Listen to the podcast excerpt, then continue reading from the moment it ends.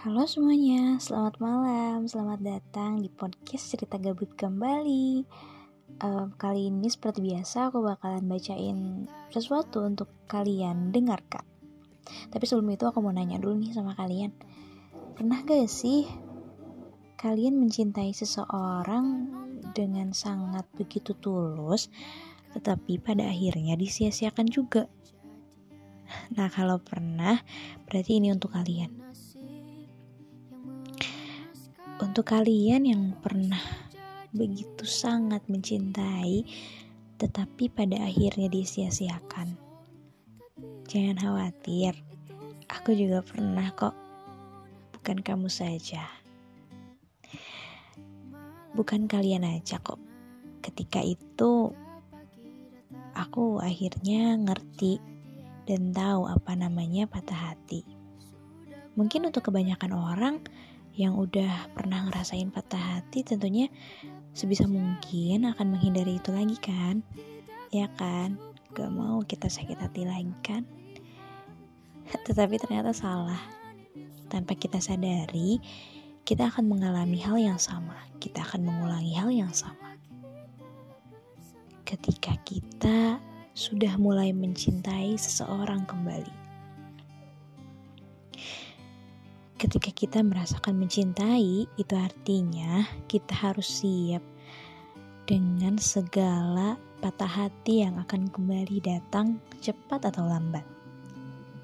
Berat memang rasanya harus mengalami patah hati untuk kedua atau mungkin berkali-kali.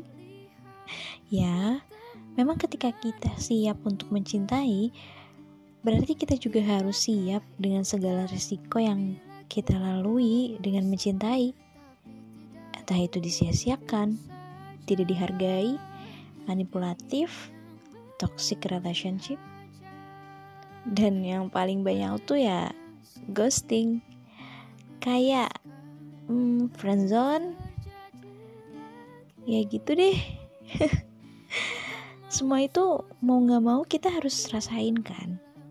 Memang seklise itu tapi ya gimana pun juga, seberapa berat rasa patah hati yang kita rasakan, tetap jadikan patah hati sebagai pelajaran untuk kita ya. Agar apa? Agar kita dapat berjalan dengan lebih baik lagi ke depannya. Agar kita tidak melakukan kesalahan yang sama ke depannya. Ingat loh ya, Jangan pernah jadikan patah hatimu sebagai sesuatu yang kalian sesalkan. Yang harus kita ingat dan selalu ingat adalah untuk selalu menjadi dirimu sendiri dan mulai mencintai dirimu sendiri. Jangan juga lampiasin rasa patah hati kamu kepada seseorang yang baru saja kamu kenal. Gak enak tau. Jadikan patah hati kamu sebagai cerminan hidup percintaan kita ke depannya. Jika nanti pada akhirnya kita menemukan sosok yang begitu mencintai kita dengan sangat, dengan begitu tulus, hingga kita menjadi sosok yang sangat penting di hidupnya, tolong hargai, tolong cintai dia dengan sangat tulus kembali. Seperti halnya kita mencintai dan menyayangi diri kita sendiri dengan sangat. So guys, um, ini relate banget gak sih buat kehidupan kita sekarang masalah percintaannya?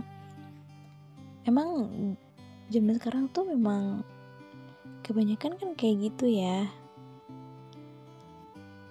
Tapi ya udahlah, ingat ya, jadikan patah hatimu sebagai pelajaran dan mulai mencintai dirimu sendiri. Oke, okay? Selamat apa ya selamat bermalam minggu. Selamat beristirahat dan tetap jaga kesehatan. Sampai jumpa di podcast selanjutnya. Bye bye